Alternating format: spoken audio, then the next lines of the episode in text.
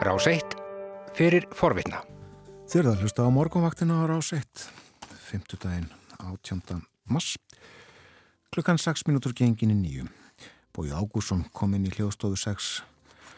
Sestu við heimsklukkan, erlend málefni og dagskrá til umfjöldunar hér næstu mínútur. Góðan dag og velkomin. Góðan dag, takk fyrir það Björn. Og við ætlum að tala um uh, deilu stórveldana. Já, og það er svona, finnst mér nú allt í einu verið að komið bara 1980 eitthvað. já, Eh, þó þú sér nú daldi yngri en ég að þá munum við það báðir að það var kallt stríð hér einu sinni.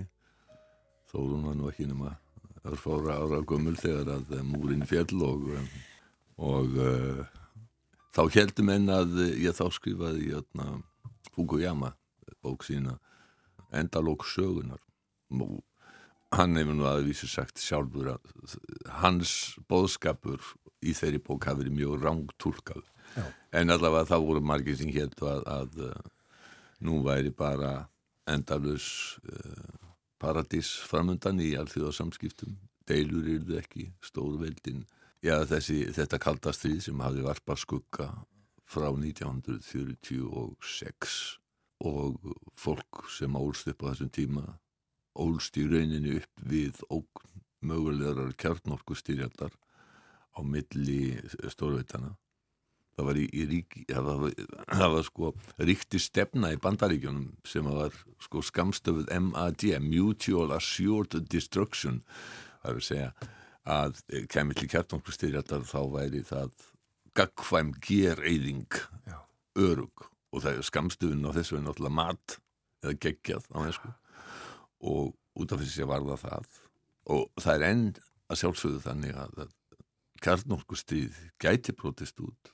Það lástundum nærri fyrir miskilning eh, á tímum kaldastrinsins og líka lág nærri þegar að spennustíð var gríðarlega hátt eins og í, í kúputilinu 1962 en eh, eftir 1991 og eftir fall Sovjetiríkjana að þá eh, eru Sovjetiríkin náttúrulega fyrir bí og Rústland arftakinn er ekki lengur risaveldi á borð við það sem að Sovjetiríkin voru. Hernaðabandalag þeirra Vassjárbandalagið er náttúrulega runið og mjög mörg Vassjárbandalagsvíki gengin í Allarsæsbandalagið og, og rússum finnst og þeim rússum hefur alltaf fundist þeim ógnað af, af grannlöndum sínum. Þeir lítið aldrei öðruvísi á, á heimskort heldur en að við gerum. Þeir sjá í kringum sig allt frá nýsta hluta Noregs og til östuðasta hluta Tyrklands.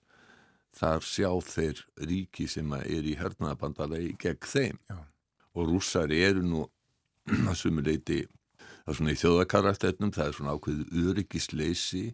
Já, getum við sagt paranoia og sóknarbrjálaði en það er kannski full ástæða til vegna þess að rússar hafa undanförnum öldum þurft að þóla sko ítrekkaðar innrásir og við nefnum sko það þeir átti í stríði við Svíja á 18. öld og svo reyðist Napoleon eh, inn í Rúsland á 1812 og tvísvarsinnum á 20. öldinni að þá áttu þeir í átökum með þjóðverja og þjóðverja það sem að glemist ofta er að þjóðverja hernum, hernámuð stóran hluta Rúslands í fyrirheimstriðutinni og um, fríðarsamningarnir sem að uh, þeir gerðu eftir að, eftir að uh, Rúslands, keisara Rúsland hrundi og Sovjetekinn tóku við, þeir fríðarsamningar voru afskaplega óhagstæðir og, og, og grimdarlegir gagvart, uh, gagvart og rúsum og síðan náttúrulega í setni heimstöldinu þar sem að minnst að kosti 20 miljónir sovjetmanna fjallu í átökunum. Og þetta auðvita setur sinn svip á það hvernig rússar hugsa sín utanriksmál og þeim var mjög í mun eftir síðari heimstyrlun að tryggja það að ríkin næst sér í austur Evrópu væru ekki og gætu ekki orðið stökkpallur frekari innrása inn í Sovjetríkin síðan náttúrulega láta hann geflega líka millir hluta sko, með hvaða hætti þeir tryggðu þetta og, og, og hvernig svo stjórn var sem þeir koma á í, í ríkjunum uh, næst sér sem var náttúrulega bara ógnarstjórn og einræðarstjórn nákvæmlega eins og ríkti í, í Sovjetríkinu sjálfum Já. en sem sagt að, að, að lokinni eða að loknu kaldastriðinu þá heldum en að þetta verði nú bara allt fallið í ljúalöf. En svo er ekki. Rússar hafa verið mjög aggressífir í sinni utanrikistefnu á undanföttum árum. Uh, þeir hafa verið með alls konar árásir, uh, aðalegi nettheimum og þeir hafa verið með mikil afskipti af innanrikismálum, ekki bara í grannlöndum sínum. Þeir hafa til dæmis gert netárásir, mjög harkalega netárásir á, á Eistarsarsríkinn og, og verið, ja, já, espa til átaka þar, heldur líka bandaríkinn og það er náttúrulega frekt að 2016 afskipti þeirra af kostningunum þá. Núna í þessari viku var að koma út skísla í bandaríkunum sem að segir það að þeir hafi líka haft afskipti af fórstakostningunum í fyrra. Það sem að þeir reyndu að leggja uh, Donald Trump lið, Putin vildi greinlega halda honum við, við völd en það má svo segja að, að Trump hafa mörguleiti verið sko hann var með hann í vassanum að mörguleiti sko. eftir fund þeirra þá, þá sagði Trump sko ég trú honum þegar hann segir mér að hann hafi ekkert skipt sér af uh, kostningunum 2016 og Já. það var þegar hann var sko, með skýslur sinna eigin leini þjónustu stopnana í höndunum Já. sem með óeikjandi sönnunum um afskipti rúsa en nú er Trump uh, fyrir bí í biljamestukosti og Joe Biden tekið nýð og Joe Biden er sko engin fríðardúa langt ifrá Joe Biden er mjög hann er, hann er haugur í utanrikismálum uh, hann var í svona eitt af fyrstu verkum hans var að uh, fyrirskipa elflög árás til hemdar uh, árásum á bækistöða bandaríkjamanna í Írak og hann mun ekki taka neinum vellingatökum en það það sem hann sagði í viðtali við George Stephanopoulos fréttamann ABC í, í, í fyrirdag það er náttúrulega gengur dálítið langt sko. við skulum heyra þegar að uh, Joe, Joe Biden er að tala um Putin I wasn't being a wise guy. I was alone with him in his office. That's how it came about. It was when President Bush had said, I've looked in his eyes and saw a soul. I said, looked in your eyes and I don't think you have a soul. And looked back at me and said, we understand each other. You know Vladimir Putin. You think he's a killer? Mm-hmm. I do. So what price must he pay? The price he's going to pay, well, you'll see shortly. Sko, í fyrsta lagi þá er hann að um, vísa til fundar sem hann ótt með Putin 2011 uh, og orða sem að George Bush uh, fyrirvændi bandarækjafórsti sem var á undan Obama og, og, og Biden mm.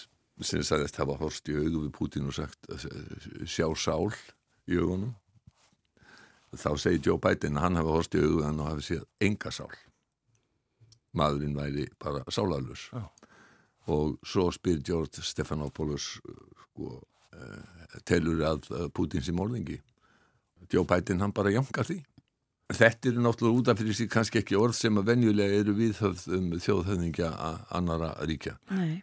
Það var með sér refsivert á Íslandi til skamst tíma að um, tala illa um, um þjóðunni ekki annar ríkja, ég man ekki betur að Þórbergur Þórðarsson hafði fikið dóm fyrir að tala illa um Hitler. Mm -hmm. en það er önnur sag og kemur þessum álega alls ekkert við eh, og þetta eh, það segir það það eru það eru nýjur tímar í samskiptum bandaríkjana og Rúslands. Já. Svo verður líka mjög spennand að sjá hvernig uh, sambúðin við, við Kína á, á þetta er þróast. En uh, Jan Saki sem er bladafulltrúi uh, Bidens, hún var í gær svona nykti á þessu á frettamannafundi í kvítahúsinu þar sem hún sagði að það er því tekið öðruvísi á rúsum núna heldur en í tíð Donald Trump. We are not going to look the other way, as we saw a bit over the last four years, and uh, we will continue to uh, press them on their actions. Já, ætla ekki að líta undan. Nei. Og rúsar hafa brúðist við þessu. Já, og rúsar brúðist við þessu í gær með því að kalla sendiherðansinn heim eins og heiti til skrafs og, og ráðagerða. Það er uh, tungumálu sem er notað í, í, í hjá stjórnarerindröngum, diplomötum þegar þeir eru fjúkandi yllir uh, það er svona oft aldrei gammal stútira hvernig, hvernig menn tólka svona tilfinningar á þann hátt. Það er sko hreinskiptnar viðraður það þýðir gólandi gargandi rýfrildi Kanski rétt aðeins skjóta því hérna að að, að uh, margir þekkja eflust nafnið uh, Stefanopolis uh, sjónvarsmannsinn sem við myndust á hérna áðan. Hann vann jú í kvítahásinu var í starfsliði Clintons líklega. Hann var það, hann var bæði í starfsliði Clintons þegar hann var í kostningabaróttinni mm. 92 og svo var hann held ég fara alveg öruglega rétt með hann var að blaða fulltrúi Clintons um, um tíma. Já. En núna er hann sem sagt frettamæður hjá ABC mm. og um, mikils metin, metin þar. En þetta er ekki einu ílindin sem er í gangi í alltíðarsamskiptum vegna þess að uh, við getum svo sem sagt að, að sambúð rúsa og bandarækjamanna síðan álgast frostmarkið. Þar fyrir eru samskipti Evrópusambansins og breyta það er eiginlega með ólíkindum uh, hnútukostinn sem að þar ganga á milli og allt andrumsloftið sem að er sko þannig að Evrópusambandið og, og allt við Evrópu viljast fara óskaplega mikið í töðarnar á, á, á bresku stjórnvöldum og bresku pressunni og uh, á móti að þá uh, telur Evrópusambandið breyta ekki vera uh, ríkistjórn sem hægt sé að reyða sig á. Þeir brjóti samninga, brjóti alþjóðalög sem þeir hafa gert í tígang, segir Európa-sambandið og það er ekki síst Írar nú, sem að hafðu sagt eins og við tölum um í síðustu viku sagst alltaf verða bestu vinir breyta innan ESB mm -hmm. en eh, Írar treysta breytum ekki lengur sérstaklega vegna að mála á Norður Írlandi og nú er svo komið að vegna þess að eh, breytar frestuði innliða því að taka upp totla eftirlit á milli Norður Írlands og Breitlands eins og átti að eh, gera frestuði um þrjá mánuði innliða eh, þá og það segir Európa-sambandið að sé brota á alþjóðlegum og, og, og Európa-sambandið hefur kert breyta út af þessu þetta er svona partur af þessu. Svo eru yllindin út af uh, bóluefnum. Það sem að Úrsula von der Leyen listi í gær yfir því að hún svona hálf hótaði því að uh, Evrópa-sambandið uh, myndi stoppa útflutning á bóluefni til Breitlands. Og uh, þetta er, um, náttúrulega Evrópa-sambandið brást seint og illa við og það er ekki, sko, getum við sagt, besta stund uh, Evrópusambansins viðbröðin við uh, koronaviru faraldrinum uh, brettar hvað bólusetninga varðar eru þeim standaði markvallt framar. Og það eru ákveðna ástæði fyrir því að það er að þeir, þeir tryggðu sér bóluefni meðan Evrópusambandi gerði það ekki, gerðu samninga við bóluefna framlegendur og og svo er líka annað sko að breytum hefur tekist að, að bólusetja mikið fjölda ekki síst vegna þess að þeir hafa látið miklu lengri tíma líða á milli bólusetninga heldur en til dæmis AstraZeneca, eh, nei heldur en Pfizer BioNTech uh, mælir með mm -hmm. uh, en uh, breyta þeir halda mjög á lofti yfirlýsingum Fraklandsforsetta Emmanuels Macron um það að AstraZeneca væri ekki örugt bóluefni. Hann talaði um það að, að, að það væri ekki örugt fyrir þá sem að væri eldri en 65 ára sem að og það er eins og flestir vita það var ekki meld með því að, að það bólefni sér nota fyrir fólk sem er eldri en 65 ára. Einfallega vegna þess að það var ekki með í því þýði sem að var prófað fyrir bólefni það er ekkert sem segir að það sé eitthvað minna örugt fyrir það fólk heldur en ekki. En uh, út af því að þá Svo skýring ekki látið fylgja með? Nei, ekki þegar þú ert komin í svona hnútukast og, og hérna og ert sko að kasta drull á milli og breska pressan sem ég beinu ekki mjög mikla virðingu fyrir þessari hérna daglugu pressu hún er bara í því að æsa upp uh, með, með, hérna, með svona alls konar yfirlýsingum En það eru nágrannarjur og, og uh, leiðindi í þessu fjöldinnishúsi sem að Europa er. Já, en það mú líka svo sem segja, breytar hafa nú ekkit úr háinsöðulega detta, sko, því að uh, þeirra viðbröð upphaflega þau voru skelving og Dominic Cummings hinn frægi fyrirverandi ráðgjafi eh, Boris Johnsons fósættisáður hann var að bera vittni fyrir þingnemdi gær mm.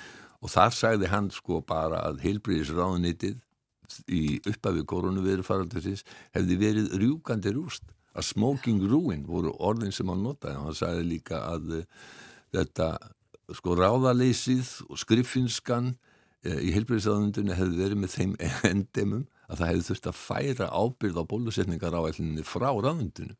E, þannig að það er, það er ímislegt svona sem er áhugavert. Mm -hmm. Og kallaðu verið eftir, já, einhverjir allavega því að það verði mitt rannsakað hvernig breytar brúðust við þessu öllu saman. Já, og það verður gert. En við ætlum að verja síðustu mínutunum í dag í annað. Uh, við ætlum að fara aftur í tíman. Já, við ætlum að fara aftur til 1943 vegna þess að Fagradalsfjall er svo mjög í umræðinni núna að þá fannst mér um, tilvalið að rifja það upp að Fagradalsfjall var vettvangur skelvilegs flugslis uh, árið 1943 og raunar voru fleiri uh, flugslis á því fjalli vegna þess að þetta er mjög nálagt keflaðugu flugvelli og þó það sé ekki mjög hátt að þá flugu flugvilar á það í vondu, vondu skikni og eini af þeim flugvilum var B-24 sprengjuflugvill Liberator svo kalluð var nefnd Hot Stuff. Þetta var fyrsta bandaríska flugvilin sem að fór meira heldur en 25 árásaferðir frá Breitlandsegjum og reglan í bandaríska flughörnum á þeim tíma var að eftir 25 ferðir þá er því áhöfnin þýtt hún ekki lengur að fara fleiri ferðir og í þessu tilfelli að því að þetta var fyrsta vilni sem að fór 25 árásaferðir að þá var, voru, voru, var hún og áhöfnin kollið heim til bandaríkjana og áttu þar að fara í flugum öll bandaríkin og vera svona til þess að íta undir sölu á, á stríðskuldabrifum sem var svona einn af helstu leiðum bandaríkjastjórna til þess að fjármagna stríði. Mm.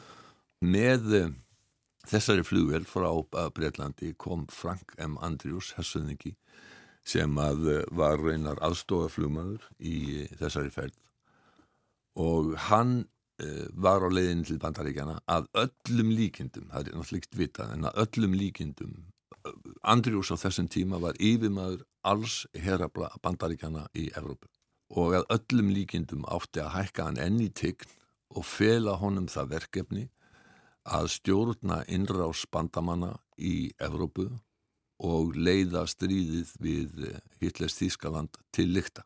Þessi vél, Hotstöf, hún fórst á Fagradalsfjalli og uh, með henni allir nema einn og þar að meðal Frank uh, Andrews.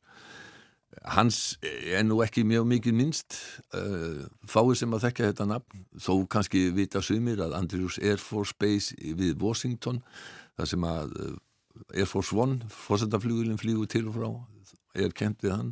Þeir sem er á, á þeim aldri sem að ég er og, og, og hlustuðu á, á kannaútvarpið, þeir muna það að samkómuhús bandarækjamanna á vellinum hétt Andrews Theater Já. og það sem að kannski færri vita er það að Hálóaland Íþróttahöllin á Hálóalandi sem hann er rífin 1970 hún var upphaflega byggð af, af hernum og hétt Frank M. Andrews Memorial Theater mm en sem sé vegna þess að Andrews dóa þá þurfti bandarækjastjórn að velja annan mann til þess að stýra herr eh, bandarækjamanna og bandamanna allra í rauninni og til þess var valin uh, Dwight Eisenhower sem að uh, tók það verkefni að sér og, og listi með uh, miklum sóma og var síðar árið 1952 var hann kjörinn fórseti bandaríkjana.